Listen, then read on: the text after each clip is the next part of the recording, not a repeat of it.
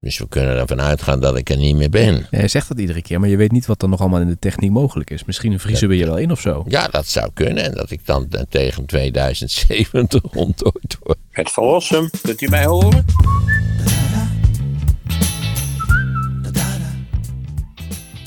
Hey, er ligt een eh, duidelijk klimaatplan van het kabinet. Nou, ik moet zeggen, het kabinet heeft flink doorgepakt ondertussen.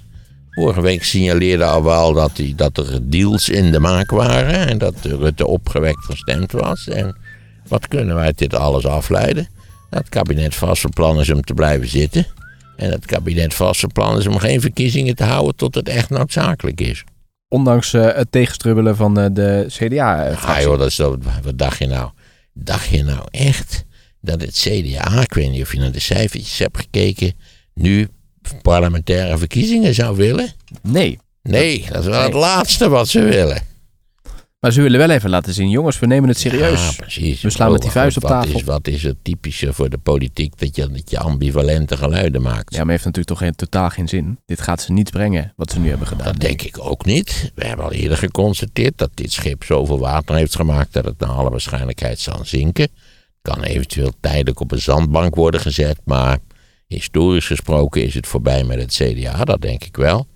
Al moet je daar ook weer enorm mee uitkijken. Precies, als ze om zich terughalen. Denk, denk aan Pim Fortuyn. En iedereen denkt, oh Pim dit en Pim dat. Maar de grote profiteur natuurlijk van Pim Fortuyn.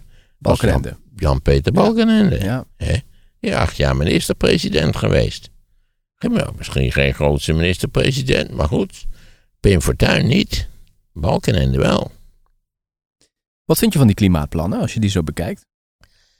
Ja, dat vind ik eigenlijk hetzelfde als van alle klimaatplannen. Dat ik graag eh, over. eh, misschien kunnen we dit over tien jaar nog eens vragen hoe het uitgepakt heeft. Ik begreep dat er nog scherpere cijfers in zitten voor 2030. Ik ben dan altijd bezig met, met eh, tellen en rekenen. In 2030 ben ik, eh, even kijken, ben ik 86. Dus dat zou ik strikt technisch nog eh, goed kunnen meemaken.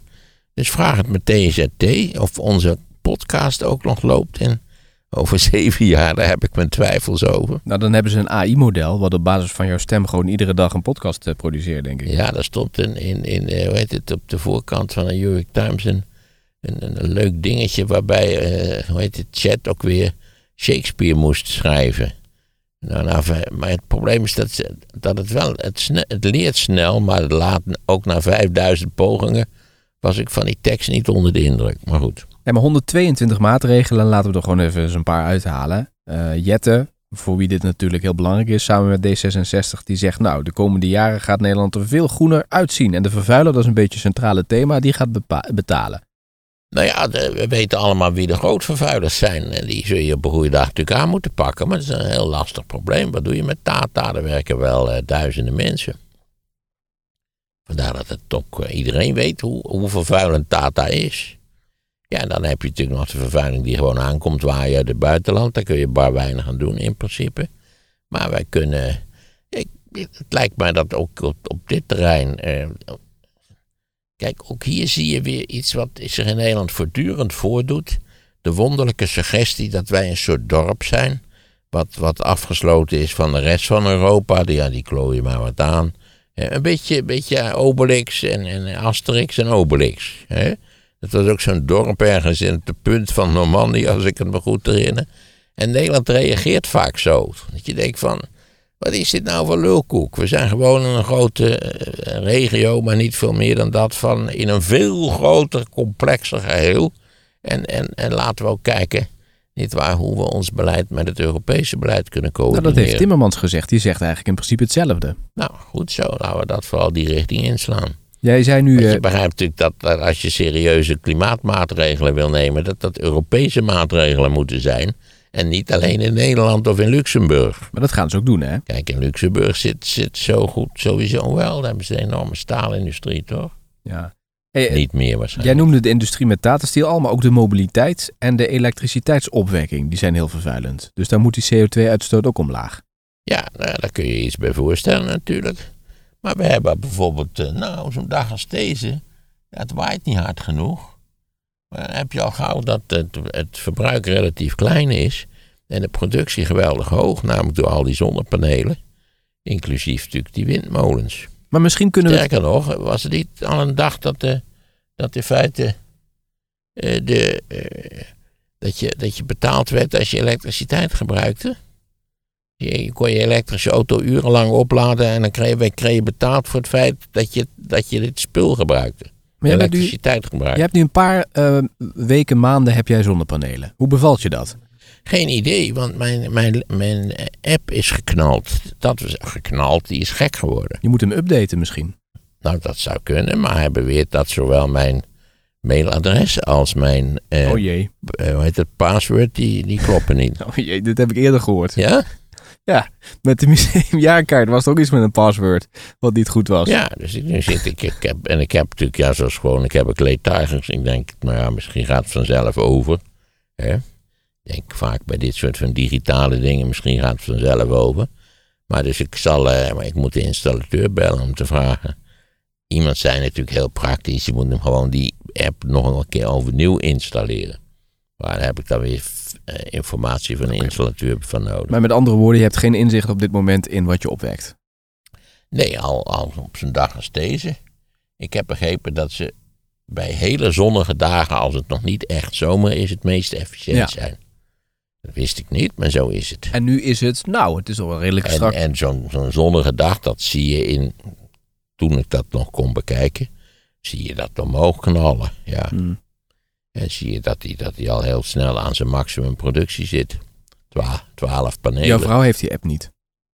Nee, mijn vrouw heeft die app niet, want zou ze ermee moeten? Nou, dat jullie beide er inzicht in hebben, maar ik kan me voorstellen Nou ja, ik had bij die app natuurlijk ook al dat ik, waarschijnlijk was die al een tijd op hol geslagen, ik weet het niet. Eh, want in het begin kijk je elke 2,5 uur en daarna kijk je elke dag even. En daarna bij het volledig vergeten kijk je na een week pas. Eh, ja, zo, in dat stadium was ik al geraakt. En toen beweerde die ineens dat ik een door en door onbetrouwbare oplichter was. Die probeerde in die app van Verrossum te kijken, terwijl die eigenlijk een, een, een gevaarlijke indringer was. Nog even kijken naar de, de pompmaatregelen. Hè. Ze schrijven aan de pomp worden benzine en diesel enkele centen per liter duurder door een verplichte bijmenging van de biobrandstof. Ja, daar ben ik tegen, biobrandstof. Volgens mij is dat, daar is ook veel over gepubliceerd. Ik heb er niet veel verstand van, maar het zijn, volgens mij zijn het labmaatregelen. Maar dat, heb je dat ergens gelezen? Of heb je Ja, dat, voor- je hebt natuurlijk die, dat ethanolprobleem in de Verenigde Staten. En, dat is echt verspilling van, eh, van, van eh, laten we zeggen, eh, biologisch materiaal. Maar als ik je dus goed Ik, begrijp... zal me er, ik wil het samen erin verdiepen en dan zullen we het volgende keer aan de orde stellen. Oké. Nou, dan kunnen we even kijken naar waar komt dat geld nou vandaan. 28 miljard, dat komt uit het Klimaat- en het Transitiefonds van 35 miljard wat daarin zit. En daar moet Nederland, daar komt hij weer, koploper in Europa worden op dit Och, gebied. Jee, ach, jee. Kunnen we nou eindelijk eens af van dat, dat achterlijke competitieve denken? Wat kan ons dat schelen of we koploper zijn? Laten we daar goed hard aan werken. De kans dat we op dit punt koploper worden is volgens mij niet bijster groot. We, zijn, we horen nu tot de achterblijvers. Hè? Ja, dat zei je het ook. We zijn het, eh, het vieste jongetje van de klas. Ja, en dan moeten we ineens weer koploper worden. Wat, waarom? Dat heb je toch ook in die stomme sport. Altijd dat achterlijke competitieve denken. Hè? Dus een Nederlander moet winnen in de Tour de France. Hè? Die brave Deen die hard gefietst heeft. Is dan bewonderenswaardig dat je uit zo'n klote landje de Tour de France kunt winnen. Nee, het moet een Nederlander zijn. Hè? Misschien hebben we het nodig om een beetje competitie aan te wakkeren. Nee, ja, al die competitie. We zijn competitieziek. Oké. Laten we dan gewoon doen wat we moeten doen. En dan of we dan de beste van de klas worden, dat, dat, en dan krijg je toch... Nou ja, dat had je in Amerika. Dat is overigens een heel typisch verschil tussen Amerika en Nederland. In, in Amerika werd op high school werd, en, en, en, altijd een verkiezing gehouden, ik geloof in het laatste jaar. Eh, en dan werd de, de, de most likely to succeed leerling aangewezen. Dat vinden wij toch als Nederlander een beetje, denk, flikker nou toch op, most En wie, wat, was dat voor iemand? Nou ja, je begrijpt, dat zijn altijd eh, praatjesmakers die goed kunnen hockeyen. Nou, bij ons dan hockeyen, maar daar eh, weet ik het wel. Iets anders, een andere sport waar ze goed in zijn. Omdat dat natuurlijk een leeftijd is dat er nog, nog naar sportprestaties eh, sterk gekeken wordt. Zeker in Amerika. Waar je natuurlijk ook bij een universitaire carrière enorm kunt profiteren als je goed bent in bepaalde sporten. Maar wij vinden het toch, wij zijn toch als Nederlanders, vinden wij een beetje achterlijk om, om most likely to succeed te kiezen. Vind je dat niet een beetje, een beetje achterlijk? Ik kan me ook niet voorstellen dat hier gebeurt, maar iedereen wil natuurlijk wel een beetje de beste zijn. Die competitie voel je natuurlijk toch in de klas en ook op, in bedrijven voel je dat toch wel. Ik weet het niet. Volgens mij ben je de beste als je daar veel plezier in hebt en het talent hebt om dat om te zetten in redelijke resultaten. Ja. Heb, ze, ik, heb ik steeds gedacht bij de studie, ik moet wel de beste zijn van dit jaar, want anders kan ik niet slapen. Nee, natuurlijk helemaal niet. 0,0. nou ja, goed, maar met Het mij als je, als je er toch zat dat het nuttig was om je best te doen. Dat begreep ik van veel studenten niet. Als je er toch heen bent gefietst en zo, dat je, dat je dan daar een beetje voor Jan Doedel zit. Ja. Dat, dat begrijp ik niet. Maar, maar, maar heb ik voortdurend gedacht, ik moet de beste zijn. Hè? Nee, ik vind het leuk dat wij met die podcast in de top 10 staan, maar ja, Maar bijvoorbeeld met de slimste, als we dat vergelijk trekken. Jij vindt het toch wel belangrijk dat je op één staat. Of in ieder geval dat er goed naar gekeken wordt. we staan helemaal niet op één natuurlijk. Dan zou, ik heb al wel Nou. voorgesteld trouwens in kleine kring, om op ons podiumpje nog wel eh, zo'n kok in te huren. Ja, alles te combineren. Ja, dat die dan dus tropische Ja. gerechten klaarmaakt. maar dat roep je al zo lang, dat en wordt niet eventueel opgepakt. op een ander hoekje dat, je, dat daar nog reclame wordt gemaakt voor boeren die op zoek zijn naar hun vrouw. Ja. Ik heb ook wel eens ik dacht zelf in mijn oneindige naïviteit dat boeren heel moeilijke vrouw konden vinden. Maar dat blijkt niet moeilijker dan andere beroepsgroepen, heb ik begrepen. Dus wat dat betreft is het ook flauwekul. Dus je zou kunnen maken vrachtwagen zoekt vrouw. Vrachtwagenchauffeur zoekt vrouw. Bijvoorbeeld, ja, Passa. Ik denk dat je daar een hartstikke leuk en romantisch getint programma van kunt maken. Vuilnisman zoekt vrouw. Zelfs dat. Ja. Kijk, als je, als je dat talent hebt om leuke televisieprogramma's te maken, kun je echt, ik zweer het je, van alles een leuk televisieprogramma maken. En vaak zijn dat natuurlijk bedacht elders. Eh, die, bakkerij, eh, hoe heet het, heel Holland bakt, is gewoon de Great English Bake Off. Van de BBC, hè? Dat is toch? Ja. was een BBC-programma, dat is overgenomen, dacht ik, door ITV. Boer zoekt vrouw ook. Is dat ook elders Ja, in ieder geval komt het volgens mij ook uit het Verenigd Koninkrijk, ja. Oh, nou, kijk, dus dat, dat, daar zijn ze hartstikke goed in het bedenken van formules. Of neem dat de alleraardigste programma van, eh, waar je afstamming wordt uitgezocht. Weliswaar besteden ze er dan daar vier keer zoveel geld aan. DNA onbekend? Ja. ja. Nee, nee, nee, nee, nee. Nee, dit heet anders. Ik ben vergeten hoe het heet. Ik vond het zelf een heel leuk programma om te doen. Ook een BBC-idee van ons bij. Maar goed, dus ja, als je een leuk idee hebt en je hebt het ta- talentvolle uitwerken, dan, dan wordt het wel wat. Je hebben ze dat in je kunt Amerika- ook over oude fietsen een heel leuk programma maken. Hebben ze in Amerika dat nog steeds, die, eh, dat principe wat je net vertelde, van dat, dat beste kind van de klas? Dat weet ik niet, maar het was een bekend verhaal. Most likely to succeed. Oké. En, en, en, eh, sowieso is, eh, dat, dat is algemeen bekend, ook aan universiteiten is, is de zaak daar een stuk competitiever dan hier. Hm. Ik weet overigens heel, ik, ik heb, dat is altijd het probleem met je uit te spreken over de, de aard van het eh, universitaire bedrijf. Ik heb natuurlijk alleen maar ervaring met geschiedenis in Utrecht. Het kan best zijn dat geschiedenis in Groningen van een uniek competitief karakter is en een niveau, niet waar, wat elders in de wereld nooit gehaald wordt, dat weet ik niet. En laat staan, ik weet ook niet hoe het bij wiskunde toegaat. Nou, een oproepje aan onze luisteraars. Wiskunde is natuurlijk iets, kijk, heb je voor een geschiedenisstudie heb je ook wel een soort talent nodig, maar het is vrij diffuus. Maar, maar wiskundigen zijn vaak eh, meisjes en jongens die goed in de wiskunde zijn. Ja, dat, dat merk je direct. Ik had een goede vriend op school en die, als er iets nieuws bij de wiskunde werd aangeboden, dan had ik er dagen voor nodig om überhaupt te begrijpen waar het over ging. En hij begreep in, eigenlijk in, in een fractie van een seconde dat het niet anders kon zijn dan zo. Ja. Er werd dat laatst niet in de Tweede Kamer gezegd dat ze daar opriepen om meer beta-mensen eh, de Kamer in te halen. Want er zaten allemaal alfa-mensen en dat... het eh, zou een onbeschrijfelijke zegen zijn. Ik heb altijd diep in mijn hart heb ik meer vertrouwen gehad in Merkel dan in al die andere leiders van de Europese landen, omdat ze een typische beta was. Wat ook soms eh, heel nuttig geweest is, ook in, in de COVID-crisis. wat heeft ze gestudeerd? Eh, nou, volgens mij natuurkunde. En daarbinnen iets met, met eh, quantum, iets kwantumachtigs. Dus daar had ik, ik dacht dat is altijd beter dan al die juristen. Dat is nog En wel eens ook, inter- je hebt ook hele goede juristen hoor, daar niet van. dat is nog interessant. Dat, dat je eigenlijk bij, als je op iemand gaat stemmen, eens even moet kijken wat heeft die persoon nou gestudeerd.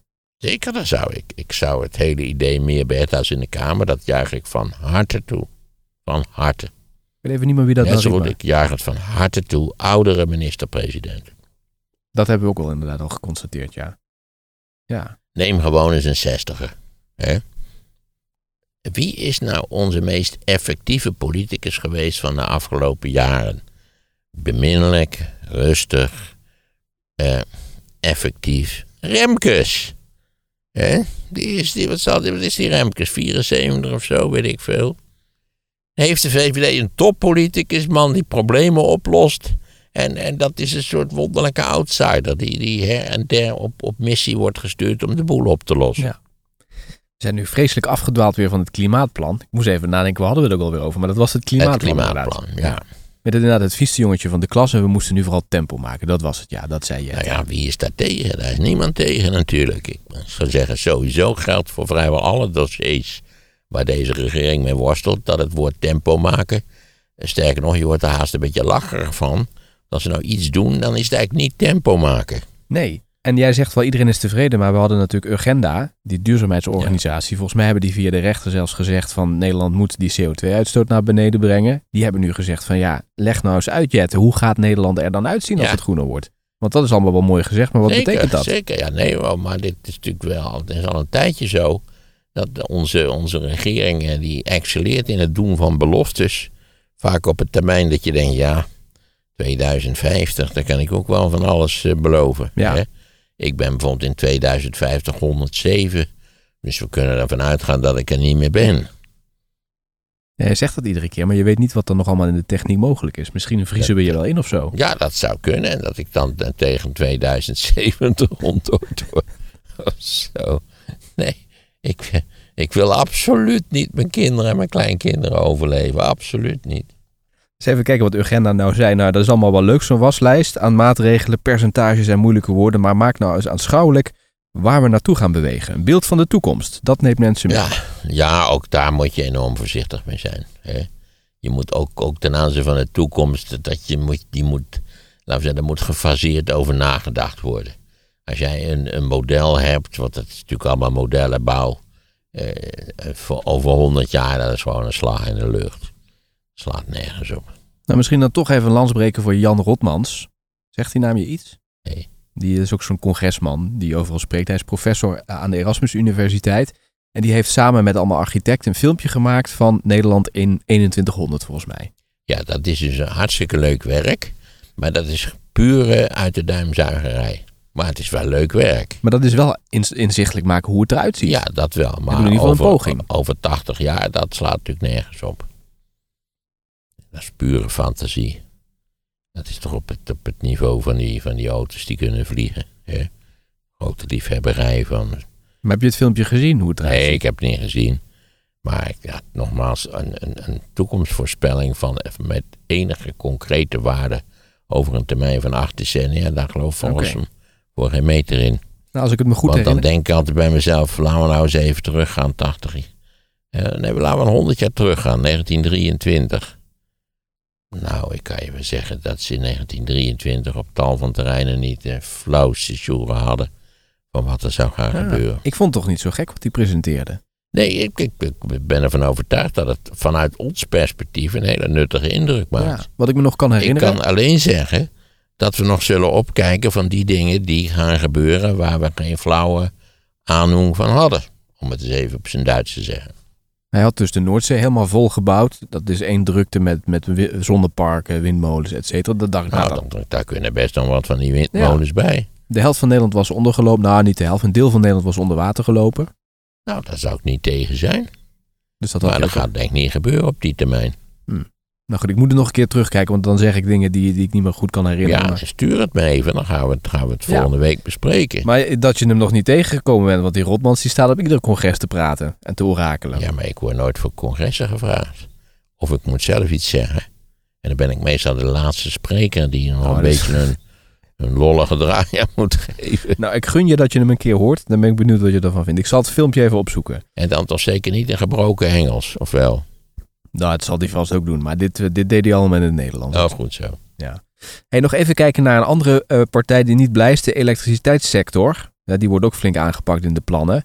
En die voorman die zegt van ja, allemaal wel belangrijk. Maar de randvoorwaarden die ontbreken. Dus we kunnen helemaal niks. Nee, daar heeft hij groot gelijk in. Maar wat zijn dat dan, randvoorwaarden? Nou ja, dat het net onvoldoende is.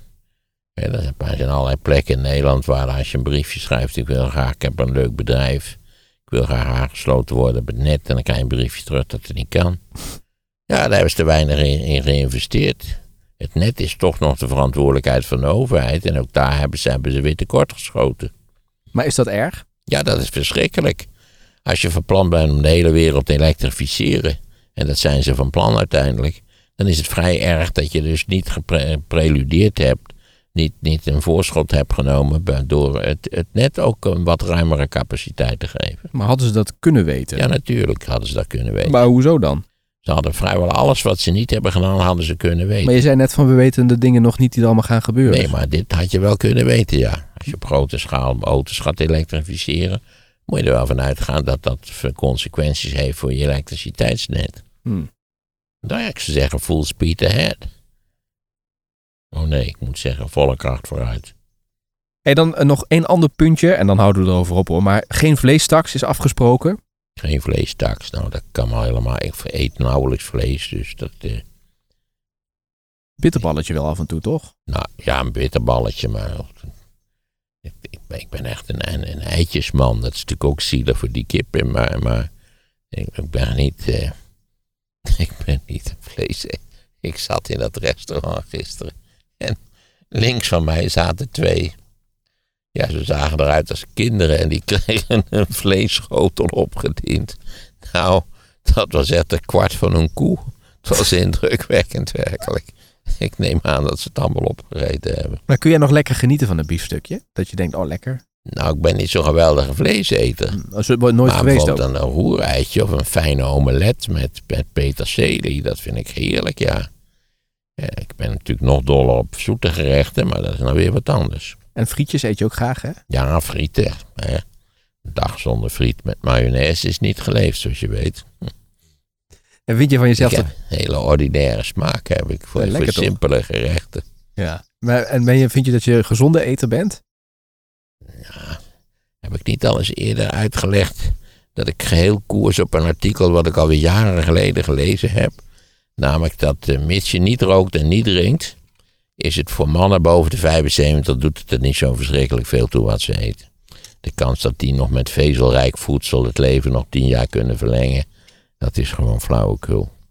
Je moet het ook niet, niet overdrijven, maar je kunt rustig poffertjes eten. En welke deskundige schreef dat? Weet je dat nog? God mag het weten, het was in de New York Times. Oh. Het zou best kunnen zijn, want je hebt natuurlijk ook een snel verouderend abonneebestand, zeker van de papieren krant. Dat ze gewoon af en toe zeggen, jongens, we gooien er wat, eh, wat optimistische berichtgeving voor bejaarde mannen, gooien we erin. En die 200 groente en fruit, red je dat? Per dag? Nou, dat zou ik best eens kunnen, kunnen doen, ja. Hmm.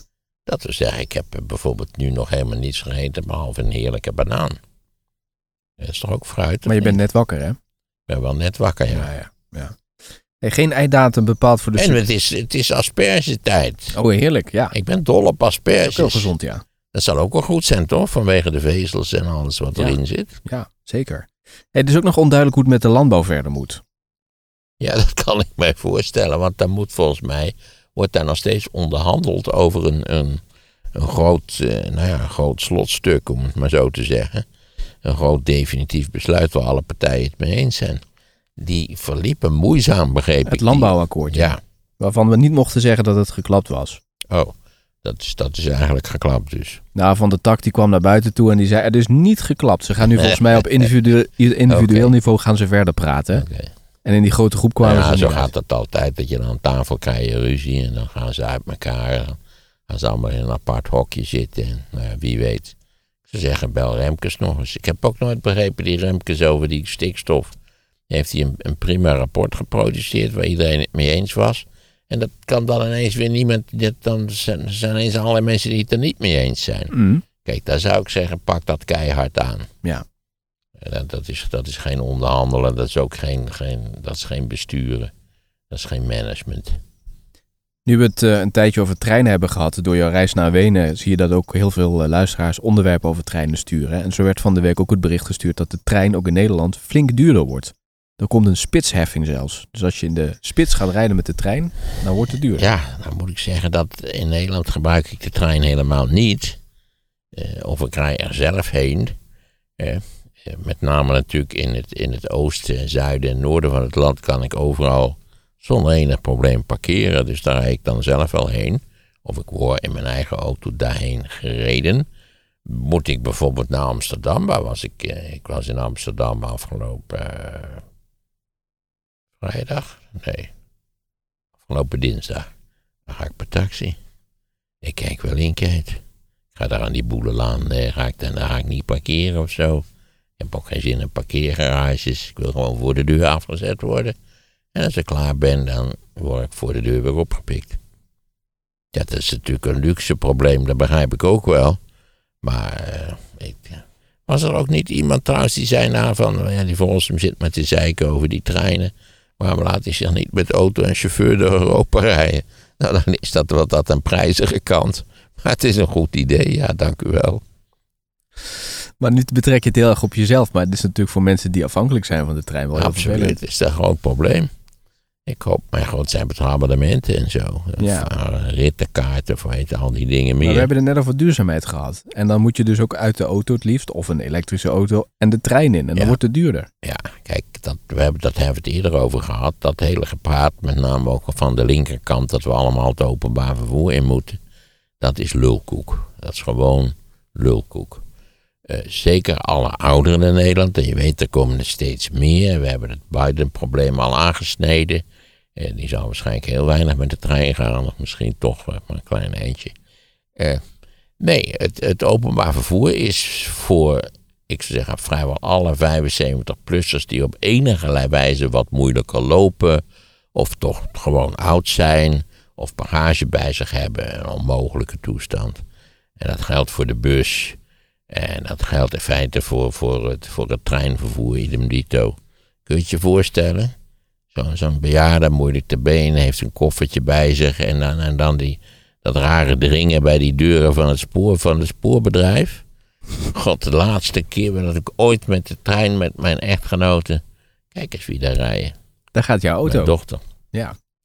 Ehm, de laatste keer dat ik met mijn echtgenote naar Amsterdam ging en dat ik het, het, het, het armzalige idee had, weet je wat, we gaan per trein. Ik reis toch eerste klas en nou ja, allemaal weer helemaal niet nagedacht, zoals net toen ik gisteren ook naar de binnenstad liep en ik denk, de hele gekke brigade is uitgerukt, zal ik maar even zeggen. Ze hadden allemaal hoedjes op en strepen op het gelaat en zo. Word je dan toch- ook nog extra lastig gevallen omdat jij natuurlijk een, eh, nou, een publiek figuur bent? Nee, nee, nee. Ja, ik werd, ik werd aangesproken door een meneer in een grote auto die zei... U bent nog wel laat op straat. Die maakt zich zorgen. ja, die maakte zich zorgen. Ja, dat het met mij de verkeerde kant op ging. Eh, nee, dus het openbaar vervoer wil je dat ook oudere mensen, mensen die iets minder goed te been zijn, die in allerlei wat, op welk punt dan ook iets minder valide zijn dan een, een atletisch type van 31. Als je die in het openbaar vervoer wil hebben, dan moet er heel veel veranderen in het openbaar vervoer. Dat is een utopisch idee dat iedereen daarin kan en dat dat altijd ook maar moet gebeuren. Waar moeten ze mee beginnen dan wat jou betreft? Nou, ten eerste moet het openbaar vervoer overal toegankelijk zijn. Kijk, als je aankomt met de trein uit Wenen, dan kom je in Utrecht aan, ik geloof op spoor 19. Dan loop je dus in de richting van de taxistandplaats. Dat alleen al is, eh, ik schat 800 meter lopen. Met je bagage. Ja, dat is voor iemand van 30 die denkt, ja, hoezo is dat een probleem? Het is net met trappen in je huis. Je woont decennia lang in een huis met twee betrekkelijk steile trappen. Ja, dat, daar denk je helemaal niet over na. Als iemand zou vragen, heb je trap in huis? Dan moet je even denken, heb ik trap in Ja, verdomd, ik heb twee trappen in huis. Tot je oud wordt. En dan zijn die trappen plotseling een hinderpaal in je huis. Nou goed, dat kan tijdelijk en, en enigszins opgelost worden met een traplift, maar toch. Nee, laten al die openbaar vervoerfetischisten nou eens uitleggen hoe het zit met mensen die de 80 naderen en die bagage bij zich hebben. Ja? Dan wil ik wel eens graag weten hoe dat gaat. Ik wil eventueel, we kunnen misschien podcastgewijs proefreizen maken. En dan, dan doe jij net of je er niet bij bent. En, en ik, ik, ik attendeer op de problemen die zich voortdurend op elk moment voordoen. Nou, dat vind ik wel een Al, leuk idee. maar, al is het maar om, om in de trein te stappen. Ja. Nou, dat vind ik wel leuk, want dan krijg je dus, eh, maak je zichtbaar. Praktisch, dan maak je praktisch Ja. zichtbaar. We starten ook in zo'n Brabantsdorp waar ze net de laatste bushalte hebben opgeheven. Goed idee. Misschien kunnen we Koolmees ook meenemen dan in de trein. Ja, Koolmees is van harte welkom. Heb je net eh, die, die nieuwe trein niet gezien? Zeker, die had ik al gezien. Omdat ik eh, met Emma Wortelboer met twee jongens was gaan praten die een soort eigen spoorbedrijf opzetten om in heel eh, eh, Europa nachttreinen te laten rijden. En daar stond dat ding al. Daar stond ja klaar om de volgende dag gelanceerd te worden. Zei ik? vond dat hij er tiptop uitzag en ik begreep dat hij wel 200 km per uur kan. Dus dat is een revolutie op het Nederlandse spoor. Maar Ja. we hebben nu geleerd dat het veiligheidssysteem berekend is op 130. Dus dat zal nog even moeten veranderen. Op papier kan die 200 en de praktijk is vaak dan inderdaad anders. Ben je er ook in geweest? Nee, ik ben er niet in geweest. Maar Ja. ik vond, er stond een meneer naast de open cabine waar de machinist in zit. En het zag er wel lekker uit, vond ik. Ja, volgens mij veel meer ruimte ook voor bagage. Daar Ja. hebben ze rekening mee Had ik jou nou nog die, die, die eh, installatie laten zien van die, van die, van die, van Kitty, van die... Ja, eh, die podcast, ja. ja, Dat, was dat wel enorme, die Ja. enorme apparatuur, ja. Ja, en als je dan denkt, wat een simpele apparatuur wij hebben, Ja, terwijl het prima werkt, toch? Ja, een kastje en twee microfoons en een kabeltje. Precies, simpele dingen werken vaak beter. Ja, maar dat is natuurlijk een professor, hè, dus die maakt het allemaal wat gewichtiger. En die moet het iets... eh, Daarom, ik ben gelukkig geen professor meer. En die, die podcast staat ook nog steeds niet online, dus dat, eh, dat duurt ook nog enorm lang voordat het... eh, Nee, want ze zou mij nog een voorlopige versie sturen, Ja. maar die heb ik nog niet gekregen. nee, nee, die zijn nog druk aan het Nee, zeg ik, een, maar een gemonteerde versie. Ja, Oké, een conceptversie. Maar goed, de, want jij hebt met een keer gezegd, we moeten een keer over het openbaar vervoer hebben. Dat heb je dus bij deze gedaan. Voor, voor 60-plussers is het niks. Niet goed. Nou, 60-plussers, dan zijn we wel goed. Maar laten we nou zeggen, voor, iedereen die wat ouder is en die op enige wijze bijvoorbeeld moeilijk loopt of, of anderszins gehinderd wordt door een of andere kwaal of probleem, is het openbaar vervoer een zeer ontoegankelijk systeem. En nog even dit. Wereldwijd draagt Nederland een halve procent bij aan de wereldwijde CO2-uitstoot. Zo, zo, zo, zo. Dus wij hoeven niet zo heel veel te doen. En dan, daarom zei ik ook er straks, we zijn geen dorp. We zijn niet een, een soort dorp wat op een eiland ergens in, in, de, in de Atlantische Oceaan eh, gesitueerd is. We zijn gewoon een onderdeel van een veel groter systeem, Ja. namelijk de Europese Unie.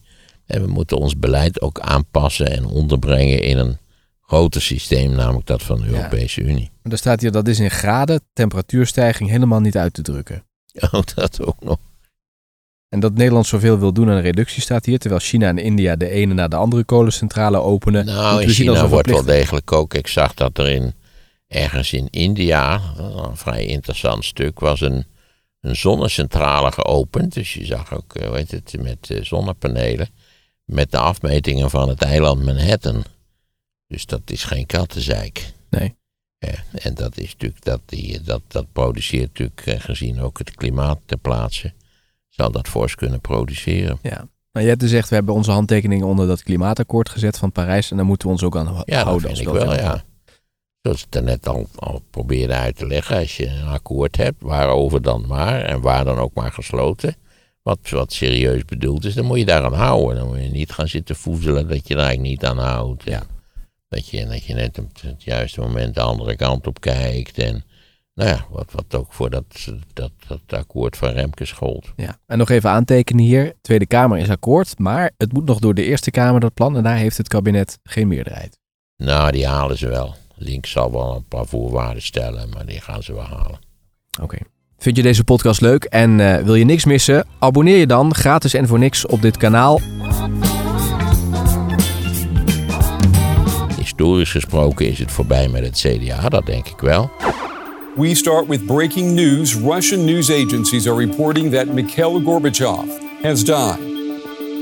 Als je de revolutie natuurlijk ziet in de kern van zijn idealen, Namelijk dat de mens daadwerkelijk bevrijd zou worden. Dat dit het eerste menswaardige regime ter wereld zou worden. Waarin de proletariërs, de verdrukten der aarde, zo u wilt, eindelijk aan hun gerechtigde historische trekken zouden komen. Dan is dit, dit natuurlijk de meest bittere en gruwelijke mislukking eh, die er in de vorige eeuw geweest is. Verdiep je in de geschiedenis van de Sovjet-Unie met het luisterboek Lenin en Stalin door Maarten van Rossum. De link staat in de show notes.